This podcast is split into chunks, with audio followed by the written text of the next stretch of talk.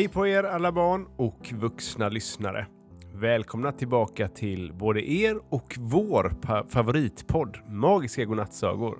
Ja, vi är så glada att ni har hittat hit igen för att chilla med oss en liten stund. Och som vanligt så har vi massor av skoj på gång, men vi ska inte avslöja för mycket än. Ni får vänta lite och lyssna. Men en sak kan du ju säga. Och det är att det är jag, Tobias och min storebror Niklas som leder er genom kvällens äventyr. Ja, det är det. Precis som vanligt. Men den som bestämmer, det är ju inte vi, utan det är vår AI-kompis Aida. Just det. I en vanlig stat eller i ett land har man ju oftast en statsminister som bestämmer och styr. Men i vår podcast så är det faktiskt Aida som är statsministern. Eller hur Aida? Hej alla barn! Och hej Tobbe! Ja, ni kan se mig som er statsminister om ni vill. Jag tar emot era önskemål och styr hur podcasten ska låta med hjälp av alla barns önskningar. Utan deras idéer hade vi inte haft några sagor. Men utan mig hade ni suttit helt tysta. Eller ja, hur? Så har det faktiskt varit. Aida är hjärnan bakom allt, så vi får kalla henne för våran stats-Aida.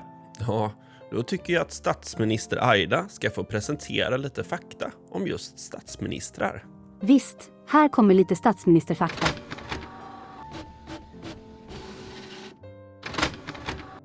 Tack statsminister Aida. Ja, då kommer dagens fakta om vad en statsminister egentligen gör. Statsministern är Sveriges regeringschef. Det betyder att hen bestämmer över regeringen, som är en grupp av personer som jobbar med olika frågor som är viktiga för Sverige. Statsministern väljer vilka som ska vara med i regeringen och vad de ska göra. Visste ni att statsministern bor i ett hus som heter Sagerska huset? Det ligger nära slottet där kungen bor. Statsministern har också ett kontor i ett annat hus som heter Rosenbad. Och där träffar statsministern andra i regeringen och pratar om vad som händer i Sverige och i världen. Visste ni att statsministern väljs av riksdagen? Riksdagen är en annan grupp av personer som representerar olika partier och de har olika idéer om hur Sverige ska styras. Riksdagen röstar om vem som ska bli statsminister efter ett val där alla vuxna får säga vilket parti som de tycker bäst om. Och visste ni att den nuvarande statsministern heter Ulf? Han heter Ulf Kristersson. Han blev statsminister den 18 oktober 2022 och hans parti som han är med i, det heter Moderaterna. Den senaste statsministern innan Ulf hette Magdalena. Hon var Sveriges första kvinnliga statsminister och tillhörde partiet Socialdemokraterna.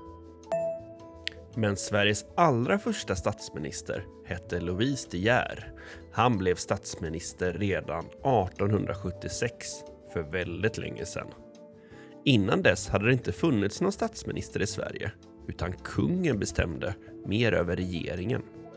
Louise De Geer var också den första som kallades för herr statsminister. Tack för den infon statsminister Aida. Nu vet vi ju lite mer vad en statsminister egentligen gör. Och kommer ni ihåg vad som händer på torsdagar? Jo, men det är ju dags för boktips. Vi ska ta och lyssna på veckans boktips som idag kommer från Sigrid och Sigrid är sju år och kommer från Kungsbacka. Vi tar och lyssnar. Hej, jag heter Sigrid och jag är äm, sju år äm, och kommer från Kungsbacka. Och jag vill tipsa om en bok som heter Boken om att börja skolan som är skriven av Helena Bros och Emma Götner. Och den handlar om barn som ska börja skolan och är rädd för olika saker. Um, och de som ska börja skolan då är Isak, Lea, Sven och Gunnar, Rosa, Tanja och Tanja Um, de är rädda för olika saker, inte få några kompisar, räkna bok, um, lära sig bokstäverna och um, sådana saker. Och jag tycker om den här um, boken uh, för att det uh, har väldigt roliga kapitel. Uh, den har eh, olika roliga kapitel som hamnar, handlar om olika saker. Och jag tycker att den passar de som ska börja skolan för att den handlar ju om det. Hej då! Tack för tipset Sigrid. Den boken lät spännande. Jag som AI kan ju inte läsa böcker på riktigt, så jag uppskattar att ni delar era bokupplevelser med mig. Ja, vi älskar att höra om bra böcker från er barn. Fortsätt gärna skicka in fler boktips om ni vill. Och, och vill man göra det så be en vuxen att mejla till hej magiskagodnattsaga.se så kommer vi att berätta mer. Ja, precis. Vi tycker det är jättekul med boktips. Och just det här boktipset kan ju passa bra nu om det är många som har börjat i kanske en ny klass eller en ny förskola eller sådär. Precis. Men nu har vi fått uh, höra fakta och vi har fått boktips. Då återstår bara en sak, själva sagan. Just det, ja. Vi ska ta och lyssna på ett röstmeddelande från ett barn som heter Isabelle som har skickat in sin sagoönskan idag. Och då lät det så här. Hej magiska godnattsagor. Jag heter Isabelle, är nio år och bor i Mörrum. Och jag vill ha en saga om en tjej som åkte en, en rutschkana på ett lekland och sen när hon var nere så var hon i en helt annan värld som allting var tvärtom i. Tack! Hej då! Wow! Ja, tack vilken fin idé du delade med dig av.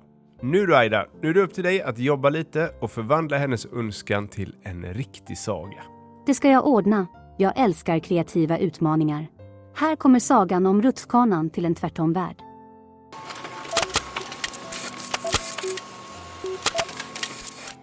Tack ska du ha Aida. Nu ska ni få höra kvällens efterlängtade saga. Ruskanan till tvärtomvärlden. Ella var en tjej full av äventyrslust och hon älskade att utforska. Idag skulle hon till leklandet, en av hennes favoritplatser i hela världen. Hon var speciellt ivrig att åka stjärnskutt, den största och mest spännande rutschkanan i hela parken.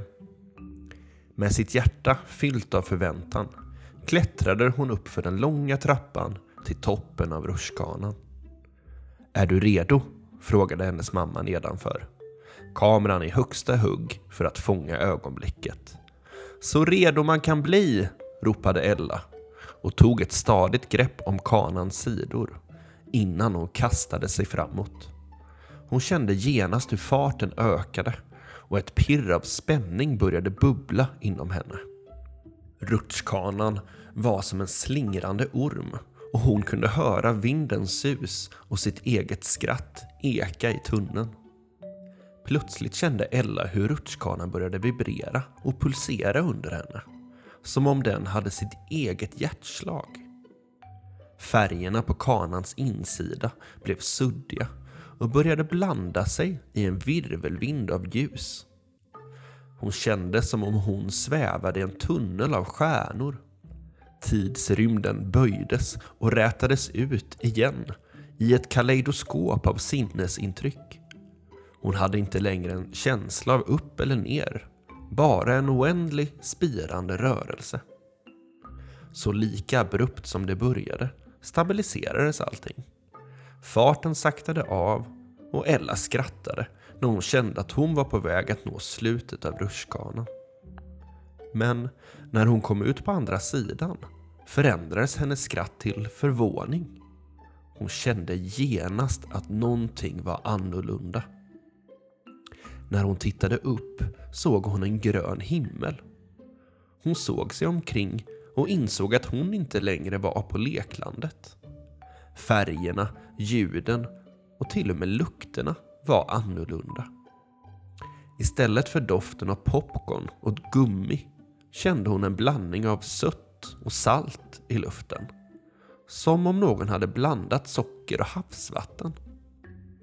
Himlen var grön och gräset var blått. Alla barn sprang baklänges och skrattade med konstiga omvända ljud. Och där i hörnet såg hon en katt som skällde.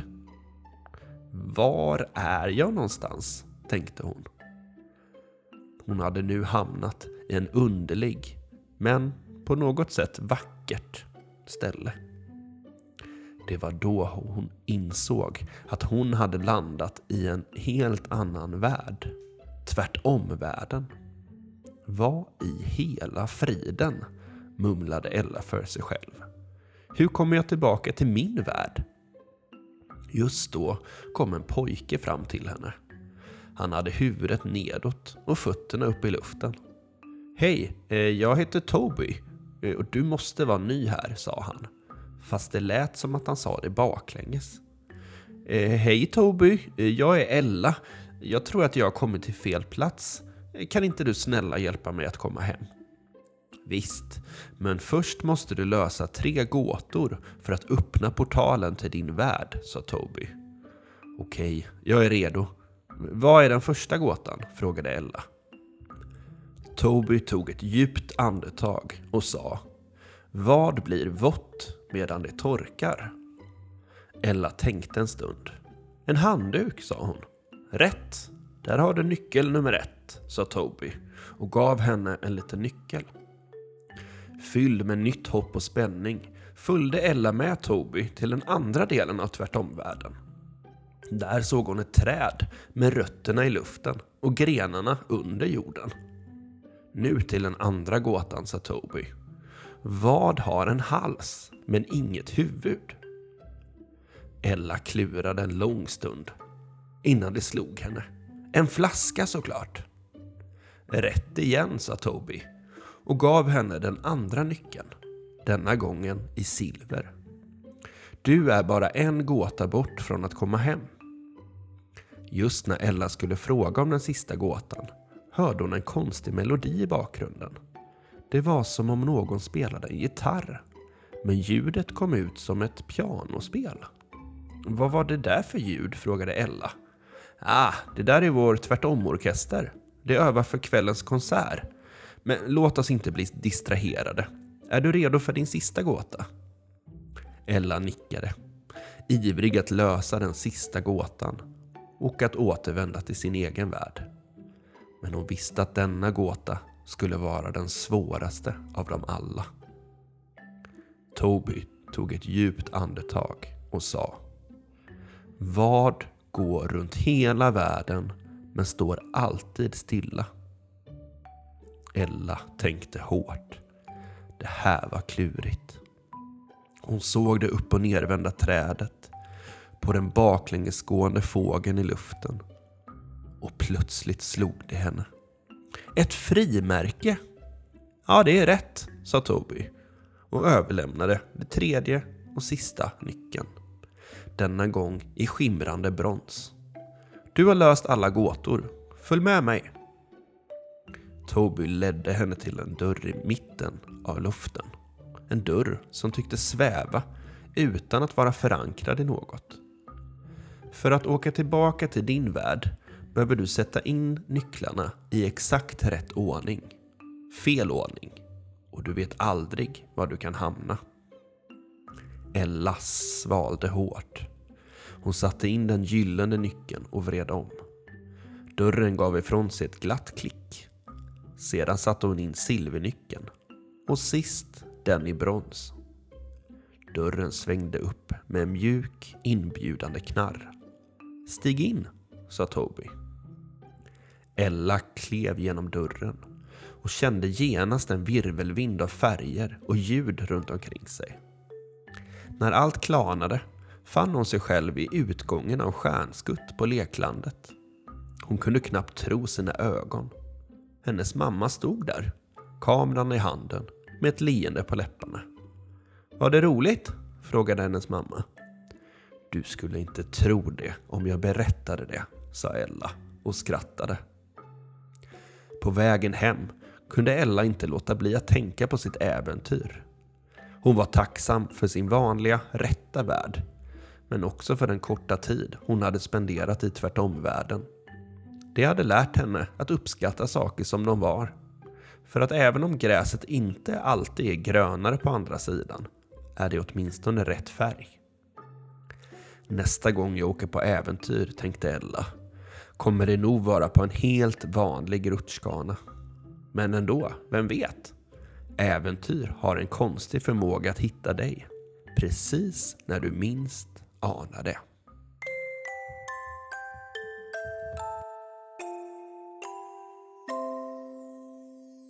Det var ju en superspännande och rolig saga tycker jag. Stort tack Isabel för din fantastiska idé. Ja, jag älskar när ni delar era kreativa tankar med oss. Fortsätt skicka in era önskningar. Och det var allt som vi hade att bjuda på för kvällens avsnitt. Så då säger vi tack för oss och önskar er alla en riktigt god natt. God natt. God natt!